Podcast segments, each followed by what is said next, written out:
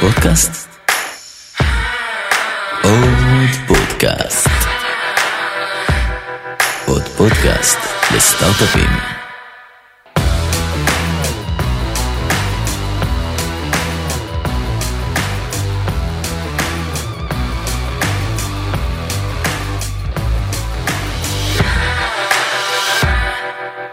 היי גל, מה נשמע? בסדר גמור, מה נשמע אדיר? בסדר גמור, אז uh, משרד במושב, זה הקטע עכשיו, אתה אומר. כן, זה כמו uh, two founders in the garage, שני מייסדים באיזה מחסן בארצות הברית. אנחנו חשבנו שהכי נחמד זה מושב עם חצר וציוצי ציפורים. אך, תאמין לי, חיים את החיים הטובים. אז מה אתה אומר, נתחיל? יאללה, let's dive, בוא נצלול. טוב, אז אתם מאזינים למורידי הגשם, הפודקאסט שמפגיש אתכם בצורה בלתי אמצעית עם מנהלי המכירות המובילים בישראל, אותם rainmakers מאחורי סיפורי ההצלחה הגדולים. בכל פרק אנחנו נביא את סיפורו האישי של כל אחד מהם, סיפורי הקרבות מאחורי המספרים הגדולים של החברות המובילות בישראל, והכי חשוב, כלים וטיפים שתוכלו לממש מחר בבוקר. אז אני אדיר צימרמן, מייסד Rainmakers IL, היוזמה לקידום תחום המכירות בקרב יזמים ואנשי מכירות בישראל, ואיתי נמצא שוב גל בירן, מנכ"ל ומייסד Crowdvocate, שמגיע בשנית, והפעם לדבר על איך הופכים לקוחות לשגרירים וסוגרים עסקאות חדשות בעזרת לקוחות קיימים. אז רק לפני שנתחיל, נאמר תודה לכלכליסט על הכותרת, ולאחים על מלא בעוד פודקאסט. אז uh, גל, לטובת אלו שלא שמעו את הפרק האחרון איתך, בוא תספר לנו בקצרה על עצמך. בשמחה. אז אני נשוי ואב לשניים, נשוי איטלי, שני ילדים, גיא ויונתן, גר בתל אביב, במקור קיבוצניק, אבל כבר חצי שנים בתל אביב, חצי חיים בתל אביב. ובתחביבים שלי אני ככה רץ, קורא, אה, ובעיקר אה, מתעסק בסטארט-אפ. אין כמו תחביב של אה, סטארט-אפ, למלא את כל הזמן הפנוי שלך ומעבר. לגמרי. יפה, אז בוא, בוא תספר רגע על, ה, על הקריירה. בפרק האחרון שעשינו איתך, אז דיברת על נושא השותפים בכלל, והיום ב Crowdvocate אתה מתעסק בתחום מעט אחר, אז תן ככה איזה ריצה קצרה על מה עשית בעבר, מה אתה עושה היום, ואיך הגעת בכלל לייסד את Crowdvocate. בטח, האמת שיש חיבור גם בין העיסוק הקודם לעיסוק הנוכחי, אבל יש לי 20 שנות ניסיון בתחום השיווק והמכירות, אה, Go to Market, בעצם חיבור של חברות ללקוחות. בשוק העסקי, B2B, הבינלאומי. כשעבדתי בחברות כמו מייקרוסופט, אלווריון, בסטארט-אפים, ותמיד הייתי בעולם הזה באמת על הקשר של מכירות, שיווק, שותפים, כששותפים בעצם הכוונה היא לחברות, למפיצים, שעוזרים לך ככה להגיע ללקוחות. ותמיד מה שהפליא אותי באופן כללי היה שיש המון המון השקעה בשותפים, כי כאלה הם שותפים, ויש גם כלים שעוזרים לך לנהל אותם, והסתכלות עליהם היא, היא כזאת שרק אחרי שהם נהיים שותף, אתה בעצם אה, משקיע בהם הרבה יותר. בעוד שבלקוחות קיימים, כשחושבים על זה, הרבה פעמים משקיעים הרבה בלהביא אותם, אה, להביא לקוח חדש, אבל יום אחרי שהוא נהיה לקוח חדש, קצת שוכחים ממנו. יש כל מיני דיסציפלינות, כגון uh, Customer Success. Uh, שאגב, לפני uh, שני פרקים הקלטנו פה פרק שבדיוק מדבר על Customer Success וכל הדברים שקשורים uh, בנושא. מעולה, תחום חשוב. אז הדיסציפלינות האלה אמורות באמת לטפל או, או לנהל את הלקוח יום אחרי שהוא נהיה לקוח, אבל מה שאני ראיתי, כי בעצם התפקיד האחרון שלי לפני הסטארט-אפ, היה לי אייג'נסי, uh, הייתה לי חברה שבעצם עזרה, הסוכנות שעזרה לחב, לחברות גם לעשות שיווק ולהביא לקוחות חדשים, אבל גם לטפל בלקוחות קיימים ובאמת בעיקר בשותפים. והיה דיסוננס מאוד גדול, שוב, משקיעים הרבה בלהביא לקוחות חדשים, משקיעים הרבה ויש כלים מיוחדים בשותפים קיימים, אבל לקוח, יום אחרי שהוא נהיה לקוח, דווקא שם משקיעים הכי מעט, בטח מההיבט השיווקי, ושם בעצם התחיל אצלי הפער שאמרתי, אוקיי, אם יש דרך לעשות את אותה, אה, את אותה מתודולוגיה שעושים עם שותפים, שבעצם משקיעים בהם כדי לפתח שותפות, שזה ווין ווין, לשני הצדדים זה כדאי, ואם אפשר למצוא כלים אוטומטיים שיכולים לייצר לי מערכת יחסים, engagement, בעצם תקשורת שוטפת עם אותם לקוחות קיימים, ולהבין אותם, כנראה שיש דרך להפוך גם לקוחות לשותפים. ודרך זה להוציא בעצם הרבה יותר, גם לטובת הלקוחות עצמם, לתת להם יותר ערך, וגם לטובת הארגון. להגדיל את מה שנקרא ה-lifetime value שלהם, את, ה- את הערך של הלקוח לאורך החיים שלו. יפה. Um, עכשיו בואו ניתן פה איזה גילוי נאות. היום אני נמצא ב-advisory board של uh, CrowdVocate, והדרך שהגענו לזה בעצם כשהתחילה הקורונה, הגעת אליי ואמרת לי, תשמע, uh, אנחנו מתחילים להתפוצץ, מה שנקרא. Uh, מתחיל להגיע, מתחיל להגיע ביקוש מאוד מאוד גדול, דווקא בגלל תקופת הקורונה. זאת אומרת, אנחנו יודעים שהרבה חברות מתחילות להסתכל פנימה, איך הן משמרות את הלקוחות הנוכחיים ומעבירים לשם את עיקר הקשב, ואז כמובן מחפשים טכניקות שאם כבר עושים את זה, אז להוציא יותר כסף מהלקוחות, ואני חושב שמה שקורה לכם היום זה באמת התנופה הזאתי. אני באופן טבעי, בצד המכירות, משתמש ברפרלס, זאת אומרת לקוחות שמפנים לקוחות אחרים וכדומה, ומכיר את זה ברמה הזאתי. אבל מה שהספקתי ללמוד בחודשים האחרונים זה עד כמה התורה הזאת עמוקה, כמה יש פה טכניקות מאוד משמעותיות. דבר שאנחנו נדבר עליו בחלק המקצועי, זה איך אפשר להשתמש בזה בעצם, גם כשאתה סטארט-אפ קטן, גם כשאתה חברה בינונית, ואיך בכלל עושים את הדבר הזה בסקייל גדול, ועל זה מיד אנחנו uh, נתעסק בנושא המקצועי. רק ככה, שנייה לפני שעוברים אליו, שאלה שאני תמיד אוהב uh, לשאול, מה דעתך על מצב הסיילס בישראל, ומבחינתי אתה יכול לקחת את זה גם לעולמות uh, שלך, מבחינת מה שקורה בישראל. אחלה, בעולמות שלנו, מה שאנחנו רואים זה ש... כלומר, מצב הסיילס זה קטונתי, אבל בעולמות שלנו, מה שאנחנו רואים זה באמת שהמכירות לא מספיק ממנפים לקוחות קיימים. לא מבינים, אין, אין את הבגרות או את התובנה שבאה ואומרת, וואו, יש לי פה מנוע ענק לסייע למכירות, הלקוחות שלי. איך אני משתמש במנוע הזה, איך אני מפעיל אותו, ואפשר להפעיל אותו בהמון דרכים. כלומר, זה אפילו לא מנוע אה, שיש לו one track, מסלול אחד, אלא זה מנוע שיש לו כמה וכמה אלמנטים. ופה מה שאנחנו רואים זה שארגוני המכירות בארץ, הם, הם עובדים בשיטה במובן מסוים קצת שונה, אה, בהיבט הזה לפחות מארגוני מכירות אה, אמריקאים בעיקר, כי בארגוני מכירות אמריקאים יש מתודולוגיה מאוד גדולה סביב העניין הזה של, של איך ומתי אני משתמש בלקוחות קיימים כדי לסגור, לסגור עסקאות עם לקוחות חדשים. או איך ומתי אני משתמש בלקוחות קיימים כדי אה, אה, לעשות נגיד אפסל, אה, כלומר למכור פיצ'ר חדש או, או, או יכולת חדשה ללקוח קיים. ובארץ הדבר הזה עוד מאוד בחיתוליו, כלומר אין, אין את התפקידים האלה בארגונים, ארגוני המכירות פחות מנהלים את זה הרבה פעמים, ולכן אני חושב שיש פה לארגוני המכירות באמת הישראלים הזדמנות מדהימה להבין את היופי ואת הכוח שיש בלקוחות הקיימים שלהם. הם הביאו את הלקוחות האלה, למה הם לא משתמשים בהם כדי אפילו לעשות יותר? יפה. אז בעצם כבר אני חושב שהתחלנו לתת מוטיבציה די משמעותית לנושא הזה, שעכשיו אנחנו נעמיק בו, מה שנקרא סגירת עסקאות חדשות, גם עסקאות אה, מלקוחות קיימים, בעזרת הלקוחות הקיימים. והמוטיבציה לנושא הזה, כמו שאמרנו, מאוד מאוד רלוונטית עכשיו, במיוחד בזמן של משבר, אה, כשאנחנו מתפקסים ולדאוג שהלקוחות הקיימים שלנו יישארו. אז בעצם מה שאני רוצה שנעשה, גל, זה בואו נבנה את זה מלמטה למעלה, ממש, כאילו, קודם כל הכרת הבסיס, את כל, ה, כל המונחים הבסיסיים שיש סביב העולם הזה, אחרי זה קצת מה אנחנו צריכים כדי להכין את השטח ולבנות את זה, תן לנו קצת הסבר מה הכלים שהיום משתמשים בהם וכדומה, ואז נגיע גם לתכלס, איך אנחנו עושים את זה בסטארט-אפ קטן, חברה בינונית, ואיך אנחנו עושים את זה כשאנחנו גדולים ורוצים לעשות את זה בסקייל גדול.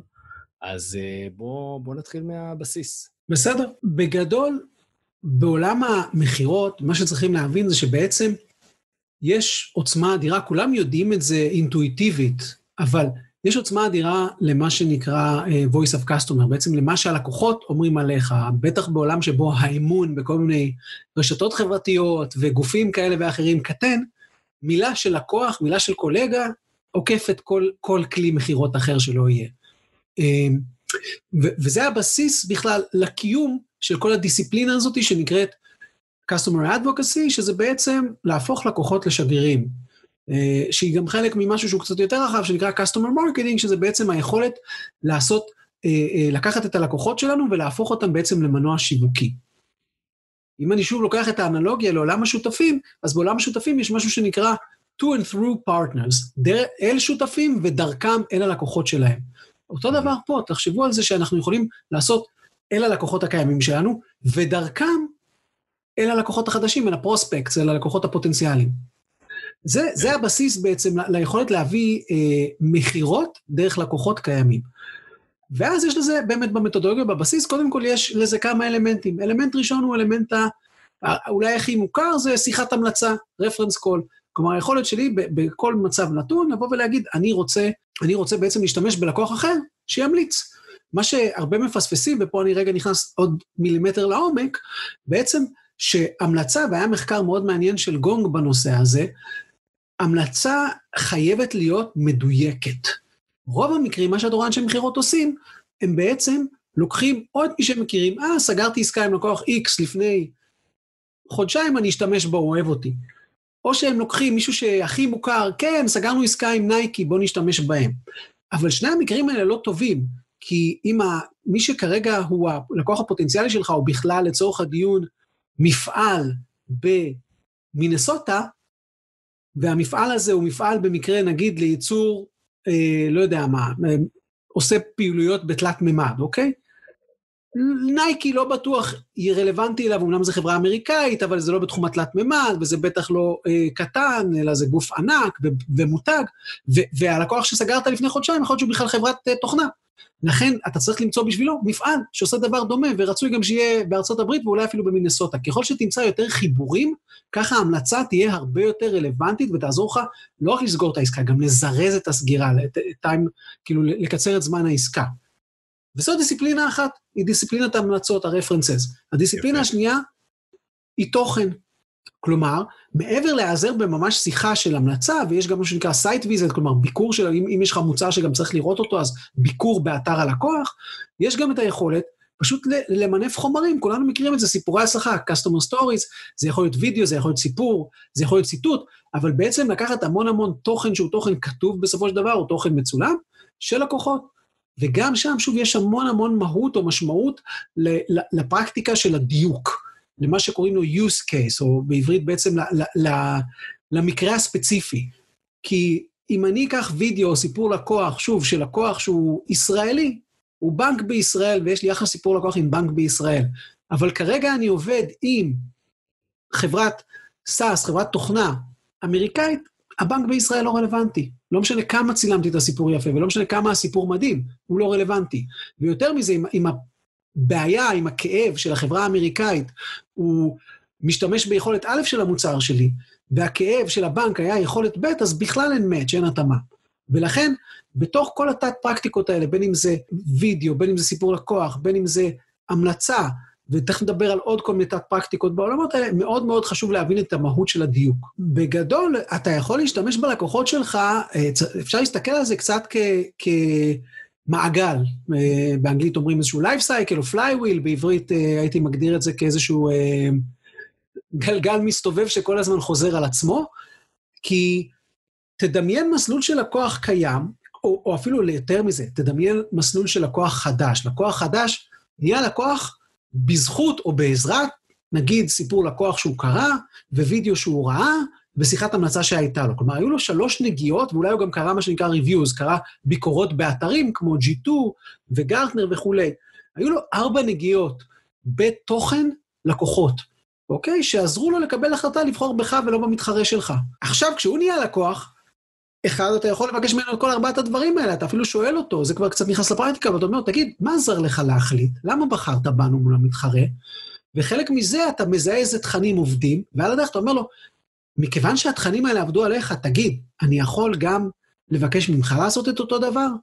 אה, ברוב המקרים הם יגידו כן. עכשיו, בהקשר הזה צריך להבין שכשמייצרים כאלה תכנים, ושוב, מכל הסוגים והגוונים שלהם, אה, אה, הם צריכים לגעת ב... ב אם אנחנו ממפים נגיד, מה שנקרא בייר ג'רני, אם אנחנו ממפים את המסלול קנייה של לקוח, אנחנו בעצם צריכים להיות מסוגלים לתת תוכן לכל חלק במסלול. סתם אני אתן כדוגמה ש, שהיא קלה ומוכרת יחסית, מתחרים. אז בוודאי שכשעולה הדיון על מתחרים, הייתי רוצה שיהיה לי לא רק טיעון נגד של איש מכירות, כן, אנחנו יותר טובים מהמתחרים כי 1, 2, 3, זה אחלה. אבל אם הייתי יכול גם להביא לו, ואתה יודע מה? הנה בשבילך, מה אמר לקוח שהיה במתחרה הזה ועבר אלינו. זה פגז, זה הורג כל טיעון אחר.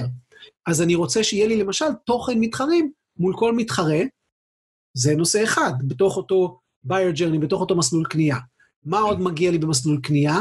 סתם אני אומר, למשל, אה, יכול להיות במסלול קנייה נושא של אה, אה, השקעה או, או הטמעה, נכון? אז תמיד במכירה אנחנו מדברים על כמה מורכב זה להטמיע ואיך אנחנו תומכים בלקוח. האם אני יכול לייצר תוכן לקוחות שמדבר ספציפית על זה, שבא ואומר, תראו, החברה הזאת הייתה מעולה, מה באמת הייתה בזמנים שהם אמרו, ניהול הפרויקט שלהם היה פגז. מעבר לזה, כל פעם שאנחנו פותחים קריאת שירות או צריכים עזרה, הם, הם שם בשבילנו. הרווחתי עוד נקודות. כלומר, כשאני בונה את התפיסה שלי על כל עולם השימוש בלקוחות קיימים כדי לזרז ולעזור במכירה ללקוחות חדשים, אני בעצם רוצה למפות את כל אותם objections, את כל אותן התנגדויות שיש לי, או, ש, או שאלות שעלולות לצוץ במכירה, ואנשי מכירות מכירים את ההתנגדויות האלה כבר, מה שנקרא, בש, בש, בשנתם, ולשים לכל התנגדות לא רק את התשובה שכתבו לי בתסריט שיחה, אלא גם גיבוי או, או סיוע מתשובת לקוח. כי זה מה שיעזור לי באמת לתת בראש למכירה הזאת. אוקיי, okay, אז הבנו את, ה, את הבסיס של איך זה נראה, באמת עשית פה סדר uh, די טוב. אז איך בעצם מתחילים? בואו נדבר על הנושא הזה של הכנת השטח. אחלה. דבר ראשון, אז, אז באמת צריך להבין קודם כל שיש לנו כמה וכמה הזדמנויות מכירה, או הזדמנויות להשתמש בלקוחות קיימים. ו- וכל ארגון צריך למפות לעצמו מה שנקרא את הזדמנויות המכירה שלו, אבל כמובן שיש נושא של מכירה ללקוח חדש, אוקיי, זה, ועל זה טיפה הרחבנו. יש לי עוד הזדמנויות מכירה ברוב הארגונים. יש מה שנקרא אפסל, כלומר, היכולת שלי למכור אה, מוצר נוסף, או, או תכונה נוספת, פיצ'ר נוסף. יש מה שנקרא expansion, כלומר, היכולת שלי למכור עוד משתמשים, להגדיל את, את כמות השימוש במוצר שלי.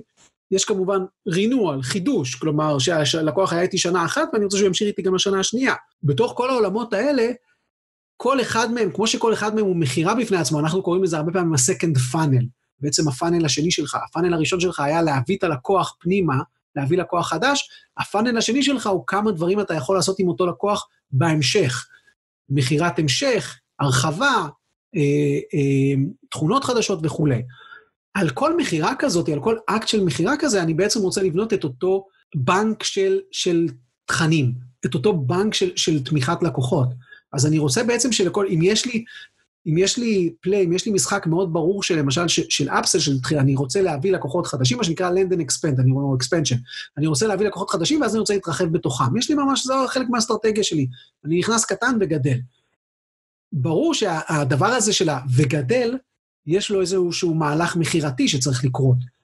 אני צריך לבנות את המהלך המכירתי הזה בדיוק כמו המהלך של להביא לקוח חדש. כלומר, איך אני גורם ללקוחות לגדול בעזרת לקוחות קיימים. למשל, ואז מה שאני עושה, אני ממפה את כל הדברים האלה, אני ממפה את כל סוגי המכירה שיש לי. אני ממפה את כל הנקודות בתוך תהליך המכירה, את כל אותו בייר ג'רני, מסלול, מסלול uh, לקוח, ואני לכל אחד מצמיד על, על, על אקסל, על טבלה, אני מצמיד לכל אחד מה הייתי רוצה שיהיה שם. התנגדות למתחרים, אה, תהליך פשטות ההטמעה, או אם זה מכירת המשך, או אפסל אקספנשן וכולי, שדיברנו עליהם, איך לקוח קיים בעצם שדרג, ולמה זה עשה לו טוב. למה לקוח קיים הוסיף אה, עוד סניף, את הסניף מארצות הברית, ועכשיו הוסיף גם את הסניף בלונדון, הוסיף עוד, עוד אזור אה, גיאוגרפי, או הוסיף עוד משתמשים, ולמה זה עשה לו טוב. כלומר, יש לנו בדיוק, אה, יש, יש לי דוגמה ממש מעכשיו של חברה שבאמת המהות שלה היא, היא סביב העולם הזה של מה שנקרא expansion, כלומר, להביא עוד משתמשים. היא תמיד נכנסת עם משתמש אחד, והיא תמיד רוצה להביא עוד משתמשים. ועד היום היא, היא מאוד uh, uh, התקשתה עם העולם הזה של לגרום, כלומר, זה, זה, איש המכירות היה מתחיל את המכירה כביכול מחדש, להביא עוד משתמשים. ובעצם הם הבינו ש, שאין סיבה, כי יש להם שגריר בתוך הארגון, המשתמש הקיים, והם בעצם צריכים להסתכל על כל המכירה הזאת טיפה אחרת, ולגרום לה להיות אה, איזשהו תהליך כזה מניפתי, שבו על, ה, ה, המשתמש הקיים, למשל, שלב ראשון, אומר להם מה עובד לו ומה, ומה חסר לו. שלב שני אומר, הוא אומר, מה היה טוב אם גם הקולגה שלו, שהוא ממחלקה אחרת, היה משתמש? למה זה היה טוב לשניהם? אוקיי? הוא מספר את הסיפור הפנימי. אחר כך אומרים לו, תראה, אתה בבנק, הנה יש לנו סיפור לקוח של בנק שכבר יש לו הרבה משתמשים. מה דעתך להעביר את זה לקולגה? כלומר, משתמשים בו כאיזשהו אה, אינפורמר, כזה מודיע שמודיע לו על דברים שקורים. ובסוף גם אומרים לו, טוב, עכשיו גם תעשה את החיבור. אז הוא עזר לי להבין מה אני צריך לספר לקולגה, ומה מה ספציפית בארגון שלהם הולך לעבוד. הוא גם עזר לי לחמם את הקולגה ולתת לו איזה סיפור ככה שרלוונטי בדיוק ללמה אנשים כמוהו בגופים אחרים משתמשים גם, ובגלל זה צריך שני משתמשים או שתי מחלקות ולא רק אחת. ועכשיו הוא גם עושה לי את החיבור אליו, מה שנקרא אינטרו חם. אמ, זה סוג של מהלך מכירתי הרבה יותר מתוחכם והרבה יותר אפקטיבי, ששוב, יכול לקרות ויכול לקרות בחצי אוטומציה כשבונים אסטרטגיה כזאת של מכירה דרך לקוחות. טוב, אז הכל אה, נשמע טוב ויפה. אז אה, מה הבעיה בלעשות כל הדברים האלה? אז נכון, המון חברות אומרות, אה, אבל אנחנו, יש לנו סיפורי לקוח, או יש לנו לקוח ממליץ, אה, ובעצם מה שקורה, כי, כי זה פרקטיקה כמובן, word of mouth, פה לאוזן, זה מה שנקרא אחד מהטקטיקות הכי ישנות, להביא מכירות. אבל כשאתה רוצה לעשות את זה בסקייל, בהיקפים מאוד גדולים, וכשאתה רוצה, כמו שאנחנו אומרים, לראות שזה משפיע על המכירה ומזרז את המכירה, נדרשת רמת דיוק. ופה באמת הרבה מאוד חברות נופלות, כי מה שקורה זה שבגדול, סתם ניקח את הדוגמה שיש לך, למשל, שלוש גיאוגרפיות, אוקיי? אתה עובד באסיה, באירופה ובארצות הברית, אוקיי? שלוש גיאוגרפיות, ויש לך גם, נגיד, ארבע תעשיות, לא יודע מה, פיננסים, manufacturing, ייצור, retail, קמעונאות, ונגיד, לא יודע, תעשייה רביעית, תוכנה. והחלק האחרון הוא שגם במקרה, בגלל שאתה עובד בארבע תעשיות שונות, במקרה גם יש לך חמישה, מה שנקרא use cases, חמישה שימושים מרכזיים במוצר, אוקיי? המכפלה של הדבר הזה, של החמש כפול שלוש כפול ארבע, כבר מגיעה לזה שאתה צריך, כדי לענות על כל אחד מהמקרים, אתה צריך לפחות 75 אה, סיפורי לקוח. ו-75 לקוחות ממליצים שעונים לך על כל המקרים האלה. עכשיו שוב, אפשר לעשות כל מיני הנחות ולהגיד, טוב, אולי מספיק לי רק 30, אבל בוודאי שלא מספיק לך חמש. והטעות הנפוצה, או הקושי המרכזי שבאמת קיים בהרבה מאוד חברות, זה שהם אומרים, אוקיי, יש לנו את הבנק הזה של לקוחות, אני יכול להגיד לך שיש חברה ישראלית, אני לא אנקוט בשמות, מאוד מוצלחת, גייסה המון כסף, וכשדיברתי איתם על זה, הם בעצם אמרו, תקשיב, יש לנו עשרה לקוחות, אנחנו משתמשים בהם המון, הם אפילו השתמשו במילה הישראלית, אה, אנחנו טוחנים אותם הרבה. אה, כן. זה פרקטיקה לא נכונה, כי זה מייצר שני דברים, ב, ב, ב, שוב, בארצות הברית הם מאוד מפחדים מזה, הם קוראים לזה uh, abuse, ממש שימוש לרעה. Uh, והם קוראים לזה גם reference fatigue, עייפות של הממליץ. כי הם בעצם אומרים, אם אני אשתמש באותו אחד עשר פעמים, עשרים פעמים, בסוף, בסוף, בסוף יקרו שני דברים. אחד, הוא יגיד לי, די, יש לי די ג'וב, יש לי עבודה, אני לא יכול להמשיך לעזור לך, והוא כבר מאדבוקט, משגריר, יהפוך להרבה פחות שגריר. אה, ולכן הטעויות שהמון חברות עושות זה שהן לא מבינות שאם אני לא מייצר מצד אחד באמת את אותה אסטרטגיה ואת אותו מיפוי של במה אני משתמש מתי, ואיך זה עוזר לי, אה, איך זה עוזר לי לקדם את המכירה, ואיך אני מודד את זה שזה עזר לי, ומראה את האפקטיביות כדי לדעת במה להשקיע, זה מצד אחד.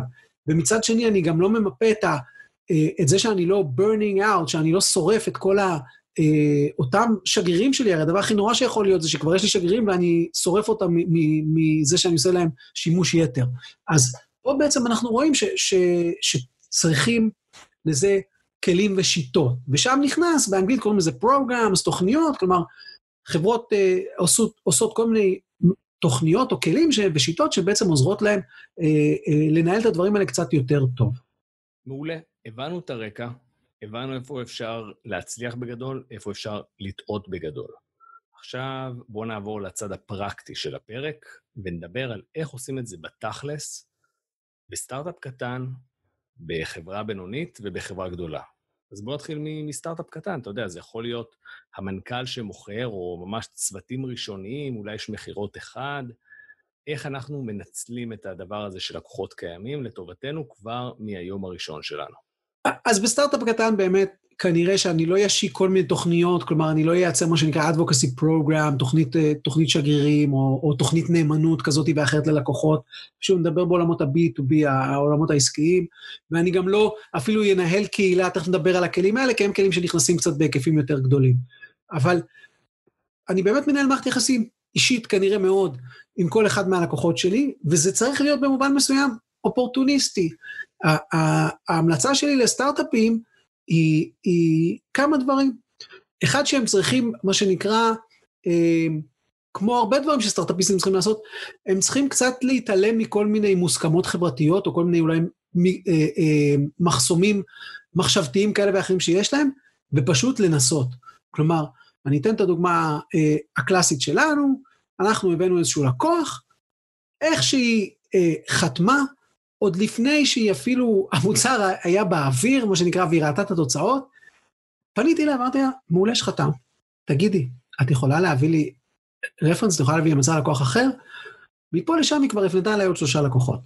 אמ, וזה עוד לפני שהמערכת עלתה לאוויר. אחרי שהמערכת עלתה לאוויר, היא ראתה את התוצאות, אמרתי, טוב, עכשיו, תגידי, אפשר לעשות איזה סיפור לקוח קטן?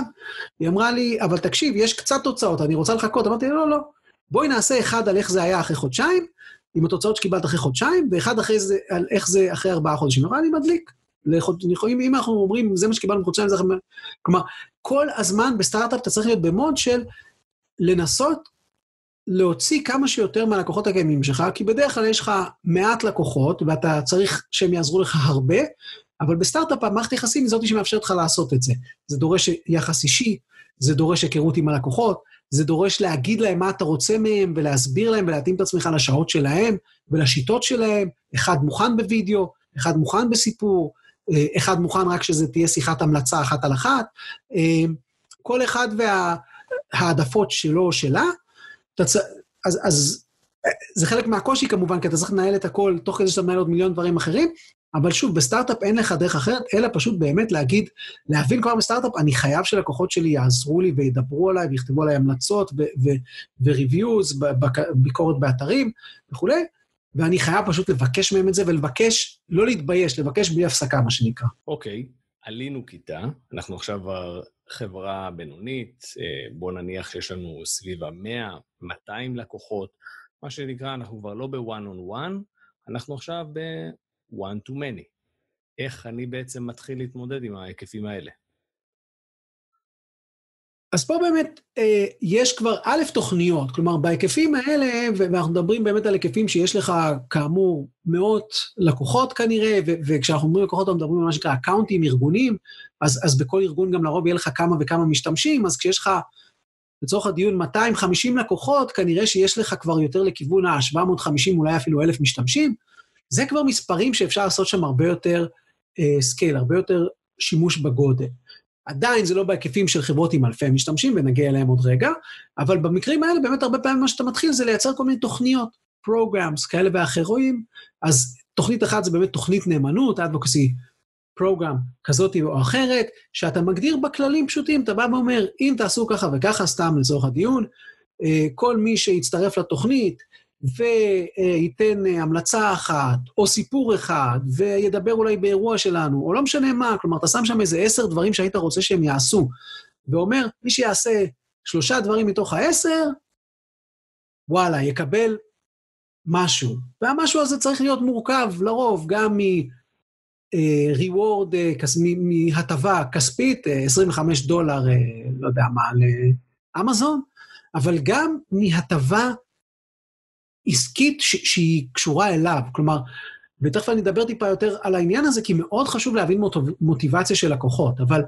רגע לפני שאני נוגע במוטיבציה, אז למשל יכול להיות שאומרים שכל אחד שעושה את זה גם נכנס לאיזשהו מעגל של לקוחות VIP שמגיעים לאירוע ויושבים בשורה הראשונה, או לקוחות VIP שהולכים ו- ומדברים עם, ה- עם המנכ"ל. כלומר, נורא חשוב שההטבה תהיה גם ברמה האישית, אבל גם ברמה העסקית. עכשיו בואו רגע נצלול למוטיבציות אולי, ואז נחזור רגע לדבר על חברות בינוניות. אבל בכל עולם ה- להפוך לקוחות לשגרירים, מן הסתם חשוב להבין ש- what's in it for them, מה יוצא להם מכל הדבר הזה, מה המוטיבציה שלהם. יש מחקר שלם שאני לא אכנס אליו על מוטיבציות של אנשים לעשות דברים, מאוד level אני אגיד שיש כמה מוטיבציות מרכזיות. מוטיבציה אחת היא פשוט הרצון של אנשים לעזור לחברה. היא מוטיבציה מאוד חזקה, רק שהיא נמצאת באחוז הכי קטן של אנשים. כלומר, להבדיל ממעריצים של uh, ברצלונה, ששם זה, זה, זה ממש הערצה, בעולמות של B2B, בעולמות העסקיים, הערצה היא נראית קצת אחרת. אה, אבל ל Salesforce, לדוגמה, יש את ה Trailblazers שלהם, את, אה, אני אפילו לא יודע איך לתרגם Trailblazers, אבל יש להם קהילה ענקית, שככה הם קוראים לה, ו, והיא קהילה של, של מאות אלפי משתמשים, וזה, והמוטיבציה שם זה זה אנשים שבאמת אוהבים את סיילספורס לצורך הדיון. אז זו מוטיבציה אחת. מוטיבציה אחרת של לקוחות היא שהם רוצים מה שנקרא ללמוד וללמד. כלומר, הם רואים את עצמם כמקצוענים, והם רוצים גם להיות יותר טובים במה שהם עושים, קרי ללמוד, וגם להיות יותר, ו- וגם להראות שהם יודעים וטובים, כלומר, ללמד. מוטיבציה שלישית היא מוטיבציה מאוד, אה, באנגלית אומרים טרנזקשיונל, כלומר, נורא, נורא אה, מיידית, כספית בסופו של דבר. אני אעשה משהו, תן לי 10 דולר. יש גם כאלה. יש מוטיבציה של self-branding, כלומר, הגדלת המיתוג האישי שלך. אה, אני בכלל לא, לא, לא מעניין אותי לא הכסף, ויודעים מה, אפילו לא מעניין אותי להיפגש עם המנכ"ל שלכם אם זה לא מקדם, אבל אם אני אוכל לצלם את עצמי מדבר עם המנכ"ל שלכם ולשים את זה בלינקדין שלי, וואלה, זה כבר מקדם את המותג האישי שלי, מתאים. ושוב, זה, זה, זה עולם ומלואו, אבל אני אומר, צריך להבין את המוטיבציות, ולפנות לכל אחד אה, עם המוטיבציה שלו. אה, אז, אז אני חוזר לחברות בינוניות, בחברות בינוניות, מה שאתה עושה זה אתה כבר מתחיל לשחק על הדברים האלה. כלומר, אתה בונה תוכניות שאתה בא ואומר, בואו ננסה להבין מוטיבציות של אנשים. בואו נייצר קהילה, קומיוניטי, שבה הלקוחות יכולים לדבר אחד עם השני וגם איתנו, אז אנחנו נותנים להם כבר איזושהי מוטיבציה של, ש, שזה עוד, עוד, עוד מוטיבציה שיש, שזה באמת הצורך של, של אנשים אה, בקהילה דומה להם, באנשים, אז אם, אם כולנו משתמשים בהאבספוט, אז דווקא יכול להיות מעניין לדבר עם משתמשים אחרים, לדוגמה. אז, אז מפעילים תוכנית של קהילה, מפעילים תוכנית, כמו שאמרנו, של, של נאמנות, advocacy program כזה או אחר. משתמשים ב, בפרסים, rewards, gamification, כל מיני משחוק אומרים בעברית, אה, וכולי. אה, עושים מה שנקרא reference program, כלומר תוכנית המלצות ומגדירים את החוקים שלה ואת הכללים שלה. זה מה שעושות חברות בינוניות. לפעמים עושות את זה עם אקסל ועם אימייל, או, או גוגל שיטס ואימייל, לפעמים עושות את זה אה, עם כלים טיפה יותר מתקדמים. כמעט תמיד בחברות בינוניות, מעל היקף מסוים, כלומר, אם אני רוצה כבר מה שנקרא לנהל יותר מעשרה לקוחות ממליצים, ויותר מעשרה סיפורי לקוח, ויותר מ... אה, ולגרום לזה שיהיה לי אה, reviews, שיהיה לי המלצות באתרי המלצות וכולי, אני כנראה צריך מישהו שיתעסק עם זה. ולכן בחברות בגודל הזה אנחנו כבר לרוב רואים, או מתחילים לראות בן אדם, פרסונה, שזה התפקיד שלו. לרוב, ב-80% מהמקרים הוא יושב תחת מחלקת השיווק, אה, אבל אם זה סיילס, ממש רואים את החלוקה, לפעמים הוא יושב בתוך גוף הסיילס, ובתוך גוף המכירות, ובתוך גוף המכירות הוא אחראי להביא תוכן תומך מכירות, אוקיי? ששוב אמרנו, זה יכול להיות סיפורי לקוח, וידאוים של לקוח, שיחות המצב וכולי. לפעמים הוא יושב בתוך ארגון השיווק, אבל הוא משרת את גוף המכירות, כי שוב, המטרה היא להיות תומך מכירות. יפה. אז, אז סטארט-אפ בינוני, מה שאתה מתאר, זה בעצם השלב שבו אנחנו מתחילים להפוך את זה למכונה יותר אה, משמעותית, אבל זה עדיין קורה בצורה שכונתית, נגדיר את זה, כי זה יכול להיוולד או בתוך השיווק, או בתוך המכירות, או בתוך ה-customer success, שאחראים על הלקוח אחרי שנסגרת העסקה. אבל בוא נגיד שעכשיו אנחנו גדלנו, אנחנו עכשיו חברה ממש גדולה, זאת אומרת, יכולים להיות לנו מאות לקוחות, ומאות לקוחות מתורגמים לאלפי ועשרות אלפי משתמשים. האם אנחנו יכולים לעשות באמת scale לדבר הזה? זאת אומרת, האם אנחנו מאבדים פה את ה touch האישי ברמה כזאת שכבר לא נוכל להגיד למשתמש, ללקוח בעצם, בוא ותעזור לנו, בוא ותיתן לנו את העזרה הזאת בכזה גדלים? איך, איך בעצם מתמודדים עם הדבר הזה? מעולה, אז אני רוצה להאמין שלא מאבדים את ה touch האישי, רק הבעיה שה touch האישי נהיה מאוד מבוזר. לאיש מכירות עדיין יהיה touch אישי כנראה עם ה-20 לקוחות שהוא מנהל, סתם אצל ה account manager כזה, למנהל לקוחות. יהיה קשר עם ה-20 או 40 לקוחות שהוא מנהל. רק עכשיו יש לי כנראה עשרה כאלה אה, מנהלי לקוחות, וכל אחד מנהל 20, ולכן אני כבר מגיע ל-200. כלומר, לי כמנכ"ל בוודאי אין טאץ' עם כולם, ו- וגם לכל אחד מאנשי המכירות יש טאץ' עם, עם הקבוצה האישית שלו. אותו דבר, אותו מנהל, אה, customer success, הצלחת לקוח, נגיד בעברית, אה, גם כן מנהל את אותם אה, ארגונים, אקאונטים שלו בלבד. זה, זה בעיה ראשונה שאני פוגש בארגונים בגודל הזה, אבל אני עדיין יכול לנצל את הקשר האישי הזה, כי בעצם מה שבאמת אותן תוכניות צריכות לעשות, הן גם צריכות לחשוב על איך אני גורם לאנשים בתוך הארגון, לאנשי המכירות, לאנשי ה-customer success, אפילו אנשי התמיכה, אפילו אנשי הספורט, זה לא משנה, לאנשי השיווק שנמצאים באירועים, כלומר, לכל מי שהוא מה שנקרא customer facing, כל מי שהוא הוא, הוא פנים, יש לו פנים מול הלקוח, לחשוב איפשהו, in the back of their mind, איפשהו מאחורה, מאחורה אצלהם בראש, לזכור שהם, וואלה, אנחנו צריכים גם להביא advocacy, אנחנו צריכים גם להביא אה, אה, שגרירות לקוחות, נקרא לזה רגע. נאמנות לקוחות, צריכים להביא אה, תוכן לקוחות. ואז, מה שאתה בעצם עושה בארגונים האלה, אתה, ובטח כשאתה עובר לסקייל יותר גדול, אתה באמת מתחיל לייצר לא רק תוכניות, אלא אוטומציה סביב התוכניות. כלומר, אתה בא ואתה אומר, סתם אני אתן לדוגמה, אם אני רוצה אה, להשיג יותר reviews, יש לנו אה, ארגון, חברה ישראלית, דווקא, אני עוד פעם, אני אשתדל לא להשתמש בשמות כרגע, אה, היה להם בעיה מאוד גדולה מול המתחרה, באתרי reviews, יש אתר reviews מוכר בתחום התוכנה, נקרא G2, אה, והם פשוט, אה, אה, היה להם משמעותית פחות אה, אה, המלצות מלקוחות, וגם בציונים, יש שם קטע של ציונים מ-1 עד 5, אז הם היו מה שנקרא על ה-4, בעוד שהמתחרה היה על ה... אה, על החמש. אז לצורך הדיון, כשאתה רואה שלמישהו יש ארבעה כוכבים ופחות המלצות, ולמישהו יש חמישה כוכבים ויותר המלצות, כולנו מכירים את זה מבתי מלון, כנראה שנעדיף את זה עם החמישה כוכבים ויותר המלצות.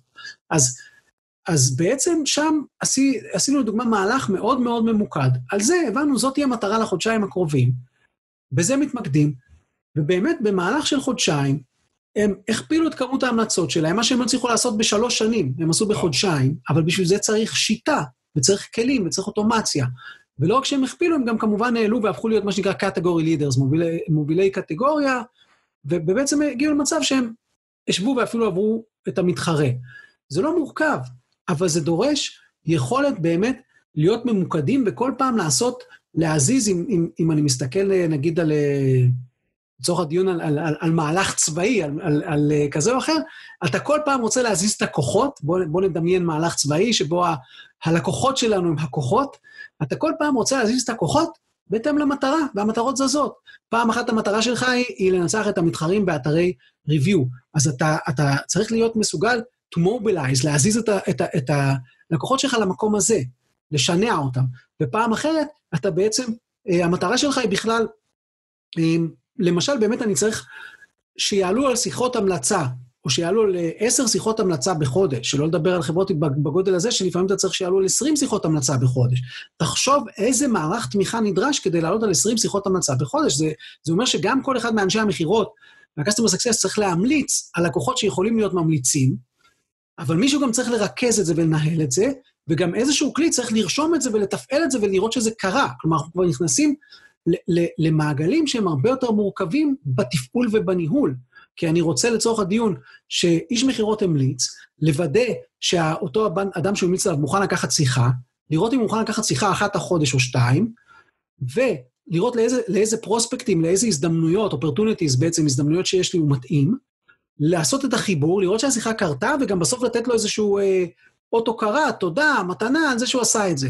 אז בלקוחות גדולים, בעצם, מה שאתה אה, אתה רואה שאתה מייצר תהליכים שהם קצת יותר אוטומטיים. כלומר, וזה, אגב, זה גם מה שאנחנו כמובן עושים ב Crowdvocate, אתה בעצם מצליח לייצר מצב שאתה מזיז אותם למה שאתה צריך באותו רגע. פעם אחת אתה צריך 20 אה, המלצות, ופעם אחת אתה צריך לנצח את המתחרה בריוויוז, ופעם אחת אתה צריך שידברו, שייתנו לך ציון טוב בגרטנר, ופעם אחת אתה רוצה שיהיה לך מלא סיפורי לקוח מסוג מסוים, כי השקת פיצ'ר ואתה רוצה לעשות אפסל וכל דבר כזה.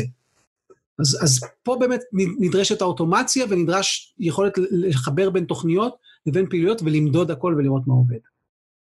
יפה. גל, אז לא תאמין, אבל uh, נגמר לנו הזמן. אז uh, אני אסכם בזריזות את הנקודות ככה שעברנו עליהן. דיברנו על איך uh, בעצם עושים, uh, סוגרים יותר עסקאות מלקוחות uh, קיימים. דיברנו על הבסיס, על uh, תוכן לקוח, על ציטוט, על רפרלס שמביאים, שלקוח מביא לקוח אחר. אה, דיברנו על הסוגים השונים של אה, תוכניות שיש לנו כדי לעודד את אותם אה, לקוחות לעשות את זה. דיברנו על איך עושים את זה ב-one on one, כשיש לנו כמה לקוחות בודדים, הם מקבלים את היחס הכי אישי שיש, ואנחנו יודעים להוציא מהם את הדברים. דיברנו על איך עושים את זה בחברה שהיא כבר גדלה יותר, גדולה יותר, one to many. זאת אומרת שקצת קשה יותר להיות פרסונלי, אבל אנחנו עדיין מצליחים איכשהו להחזיק את זה ואיך אנחנו מחלקים את זה. ובסוף דיברנו על אותו scale גדול, של אוטומציה, איך שעושים את זה היום, איך ש Crowdvocate עושה את זה היום, אה, ועוזרת באמת לחברות הגדולות בעולם לסגור יותר עסקאות, רק בעזרת הלקוחות הקיימים. אז גל, כל מה שנשאר עכשיו זה איזשהו מסר שלך לאומה בתחום ה sales. אז אני חושב שבאמת חברות חייבות להבין שלקוחות קיימים, זה מנוע המכירות המרכזי שלהם, בטח עכשיו בזמן קורונה, שאנחנו גם רוצים להוציא יותר מהלקוחות הקיימים בכל מה שקשור ל... לשימור שלהם, ל retention, בכל מה שקשור ל upsell, לגדילה ו expansion איתם, וגם מכירות שכן אפשר להשיג, יהיו בטוח מכירות שידרשו אה, הרבה, מילה טובה והרבה יותר מזה מלקוחות קיימים שיעזרו לנו. אה, אנחנו רואים את זה אצל חברות שעובדות איתנו, שבחודשיים הביאו חמישה לקוחות חדשים רק מהמלצות של לקוחות, שהקטינו נטישה ב-16% בניסוי מבוקר שעשינו על, על דרך לקוחות קיימים. כלומר, אנחנו רואים ש, שהיכולת של לקוחות לה, להשפיע על מכירות היא אדירה כשמשתמשים בזה נכון, והמסר שלי הוא לגופי המכירות, פשוט תתחילו למנף את הנכס האדיר הזה שיש לכם, שהוא הלקוחות שלכם. ונאמר אמן. יפה. אז אני הייתי אדיר צימרמן, ותודה לגל בירן על שפתח את עינינו לכלי סופר חשוב, שעוזר לנו להצמיח את העסקים והחברות שלנו.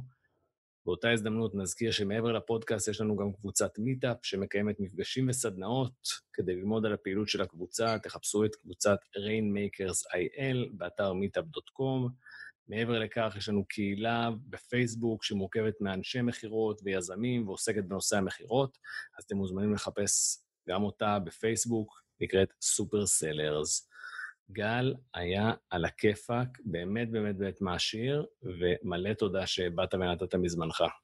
תודה רבה, בשמחה. אז ביי. ביי.